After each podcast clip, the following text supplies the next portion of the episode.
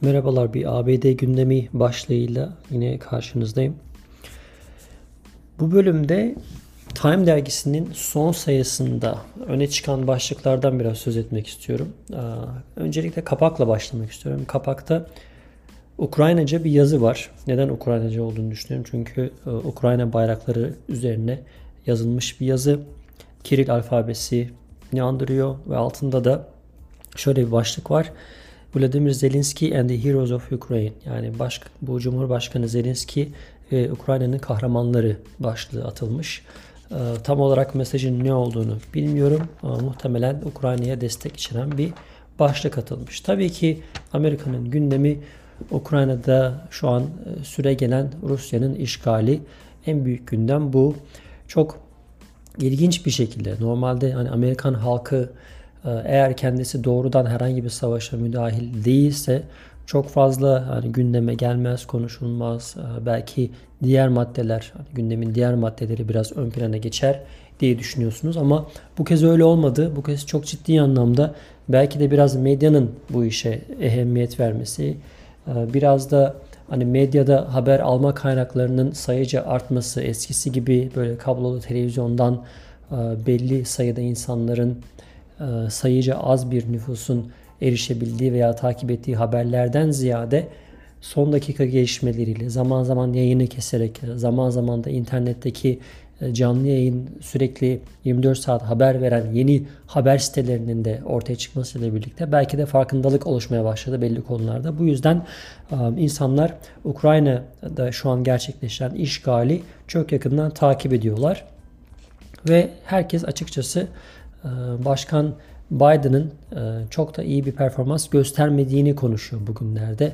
Hem bu savaş meselesi ortaya çıkması hem pandemi sürecinden sonra hani gerçekten e, ekonominin büyük bir darbe alması, hala da enflasyonun konuşulduğu, ondan sonra Covid sonrası işsizliğin konuşulduğu, insanların işlerine dönmediği, e, bir şekilde fiyatların hemen hemen her şeyde artmaya başladığı bir ortamda ister istemez zaten başkanın e, kabul edilirlik oranında ciddi anlamda düşmüştü. %50'lerin altında zaten 45'lerde falan seyrediyor diye biliyorum ben.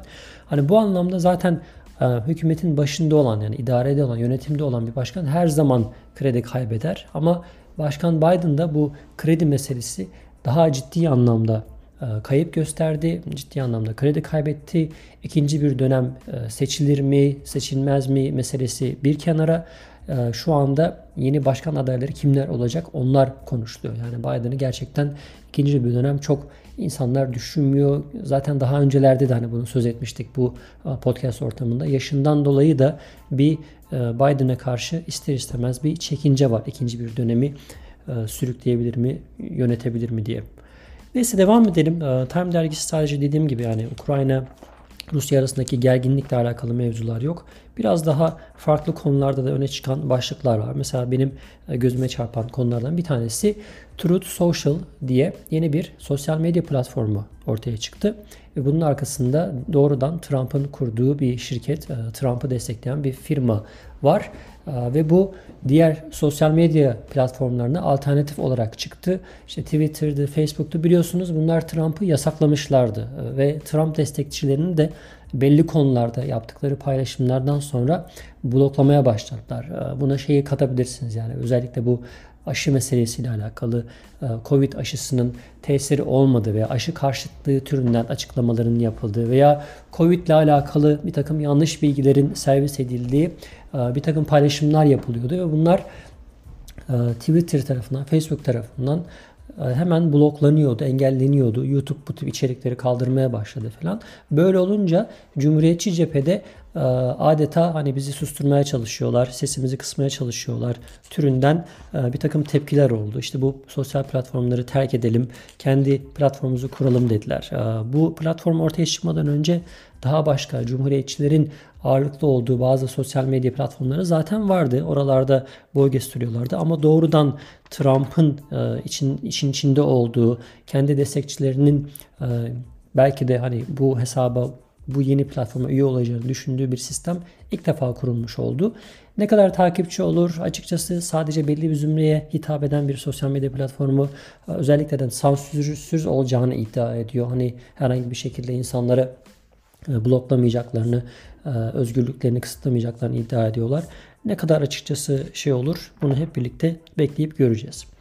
Bir başka başlık yani enflasyonla alakalı bir konu başlığı zaten vardı. Hani bu gözüme çarpmıştı. Enflasyon ister istemez artıyor. Enflasyonun e, artmasıyla beraber hani insanların ürünlere ulaşamayışı ve e, insanların istedikleri şeyleri hemen hızlı bir şekilde alamayışının arka planında yatan bir sebep üretim hatlarının yavaşlaması ve bu üretim hatlarında çalışan insanların sayısının azalması. Bununla alakalı çok enteresan bir e, tespit vardı yine Time dergisinde gözüme çarpan. Şöyle diyordu e, bu konuda uzman bir kişi. Biz e, göçü yani göçmenleri azalttığımız için yani bu tür işlerde bu tarz işlerde çalışacak insan gücü bulmakta da zorlanıyoruz. Bu yüzden çok hızlı bir şekilde immigration dedikleri e, göçmenleri kabul etme programını açmamız, artırmamız lazım diye bir öneri ortaya attı e, bir tane ekonomist. E, dergide onun görüşlerine yer veriyorlar. Gerçekten de son 2-3 senede Amerika'nın hem öğrenci hem çalışan vizesi hem de göçmen vizesi verme sayısında çok ciddi oranda düşüş oldu. Hatta bazı ülkelerde hala da konsolosluklar, büyükelçilikler kapalı durumda veya işte böyle 6 ay sonrasında, bir sene sonrasında falan gün veriyorlar hani bu tip başvurular yapanlara.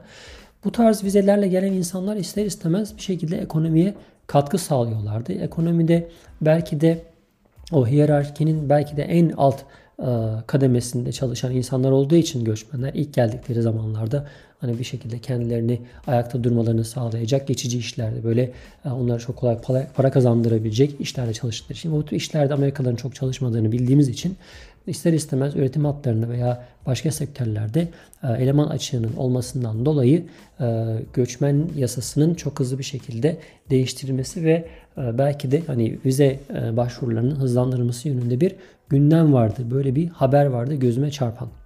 Bir başka mesele de hemşirelerle alakalı. Amerika'daki pek çok sektörde açık var. Hani bilgi işlem sektöründe, eğitim sektöründe, ondan sonra sağlık sektöründe ciddi anlamda Amerika'nın kendi piyasada çalışanlarıyla bu tip açıkları kapatmasının imkanı yok. Bu yüzden Amerika dışarıdan insanlar alıyor. Nurse dediğimiz yani hemşire dediğimiz sektör de bunlardan bir tanesi. Bununla alakalı da ciddi anlamda bir kriz yaşanıyor. Zaten pandemiyle birlikte sağlık sektöründe yaşayan çalışan insanların pek çoğu hani işlerinden oldukça memnuniyetsiz olmaya başladı. Çünkü yaşadıkları e, travma, sürekli hani içine işin içine girdikleri stres. Onun dışında bir de insanların muamelesi yani bu sektörde çalışan insanlara e, karşı gösterilen muameleler de insanları gerçekten bezdirme noktasına geldiği için çok ciddi anlamda insanların hani işlerini terk etmeye başladığı e, hemşirelerin şu anda yapılan bir ankete göre buradaki e, şeye bakıyorum ben e, göstergelere bakıyorum. %20'lik e, bir kesimi e, hemşirelerin ayrılmayı düşünüyor işlerinden, işlerini bırakmayı düşünüyor. %29'u da hani işini bırakmayı e, bir seçenek olarak görüyor. Hani belki ileride böyle bir seçenek karşıma çıkar düşünebilirim diyor. Geri kalan %50'lik kesim de hani bırakmayı düşünmüyor. işinde devam etmeye çalışıyor. Tabi bunlar ister istemez bu göstergeler düşündüğünüz zaman Amerika'nın sağlık sektörüne vurulan büyük bir darbe olarak karşımıza çıkıyor. Son olarak Amerika gündemiyle alakalı olarak bir konuya değinmek istiyorum. Belki biraz karışık bir konu ama redistricting hadisesi. Önümüzdeki sene Kasım ayında yeni bir seçim olacak Amerika'da. Ara seçim diye geçiliyor. Bununla beraber işte senatoda Bilmiyorum kaç adet hani senatör tekrar seçilecek. Hani kaç tane senatörün görev süresi dolacak. Onların yerine yenileri seçilecek. Ama Amerika'da sürekli tartışılan bir konu distriklerin belirlenmesi konusu. Amerika'da çok enteresan bir seçim sistemi var zaten ve bu e, lokale indikçe yani böyle büyük picture dediklerine, big picture dedikleri büyük resmi böyle e, iyice içine doğru girdiğinizde en küçük e, parçalarına böyle kendinizi verdiğinizde oldukça karmaşık bir sistemle karşı karşıya kalıyorsunuz. Ve bunlardan bir tanesi en önemlisi de redistricting yani distriklerin oy bölgelerinin, oy seçim bölgelerinin çizilmesi hali. Bunlar vakti zamanında çizilmiş. E, zaman zaman e, nüfusa göre, belli kriterlere göre veya yerel yöneticilerin aldığı kararlara göre tekrar bunlar çiziliyor, gözden geçiriliyor, yeniden düzenleniyor. Ne oluyor böyle olunca? Mesela büyük şehirlerde yaşayanlar hani cities dediğimiz e, yerlerde yaşayan insanlar genelde demokrat eğilimli oluyor. Bunun dışında suburb dedikleri biraz daha şehrin dışı kırsal kesim olarak geçen gelir düzeyinin yüksek olduğu yerlerde hani böyle müstakil evlerin daha çoğunlukta olduğu bölgelerde e, cumhuriyetçilerin oyları biraz daha fazla oluyor. Dolayısıyla bu şeyler çizilirken hani bu haritalar çizilirken hep e, hani adil olsun hani her yeri temsil etsin diye bir düşünce olsa da ister istemez şehirler ayrı, e, kırsal kesimler ayrı çizildiği için genelde oralardaki e, seçim sonuçları ister istemez belli oluyor. Yani siz orada yaşayan bir insansınız. Örneğin bir şehirde yaşıyorsunuz. Şehrin e, çoğunluğunun demokrat eğilimli olduğunu bildiğiniz için o distrikten hani oradan gönderilecek bir temsilcinin e, demokrat seçilmesi çok yüksek bir olasılık. O yüzden siz bir birey olarak oradan e, bir oy verdiğiniz zaman verdiğiniz oyun aslında o büyük resim dediğimiz, big picture dediğimiz hani başkanın seçilmesi veya işte e, her eyaleti belli noktada temsil eden elektörlerin seçilmesinde çok küçük bir rol oluyor. Çoğu zaman hiçbir anlamı bile olmuyor yani sizin kullandığınız oyun hiçbir etkisi tesiri olmuyor. Hani bir oy bir oydur demeyin derler ama Amerika'da gerçekten bu anlamda bir sıkıntı var. Bu distrik yapılması meselesinden dolayı. Bunun adil bir çözümü var mı? Yok deniyor. Makalede öyle bir e, açıklama da yapılmış. Açıkçası çok net yani böyle e, bu işi çözebilecek bir fikir de yok. Çünkü Amerikan seçim sistemi böyle kurulmuş. Bundan dolayı e, çoğunluğu alan bütün oyları alır tarzında işlediği için çoğu zaman hem yerelden büyük şeye gidildikçe. Bu yüzden bundan da bahsedilmiş. Acaba yeni bir oy sistemi, yeni bir seçim sistemi mümkün mü diye böyle bir gündemde gelmiş. Amerika'nın önümüzdeki günlerde tartışacağı belki de en büyük e, maddelerden bir tanesi bu olacak. Çünkü seçimler yaklaşıyor. Tekrar e, bu konularda şu anda bazı eyaletlerde yasalar geçirilmeye başlanıyor. Özellikle seçimlerde e, posta yoluyla oy kullanmaktan tutun da işte e, belli e, kriterler getirme ile alakalı herkes kendi seçmenini veya kendi partisinin e, bir şekilde öne çıkabileceği bir seçim sistemini e, ortaya koyma noktasında e, pozisyon alıyor. Evet şimdilik ABD gündemi bu kadar. E, Time dergisinde öne çıkan e, konu başlıklarını beraber konuşmuş olduk.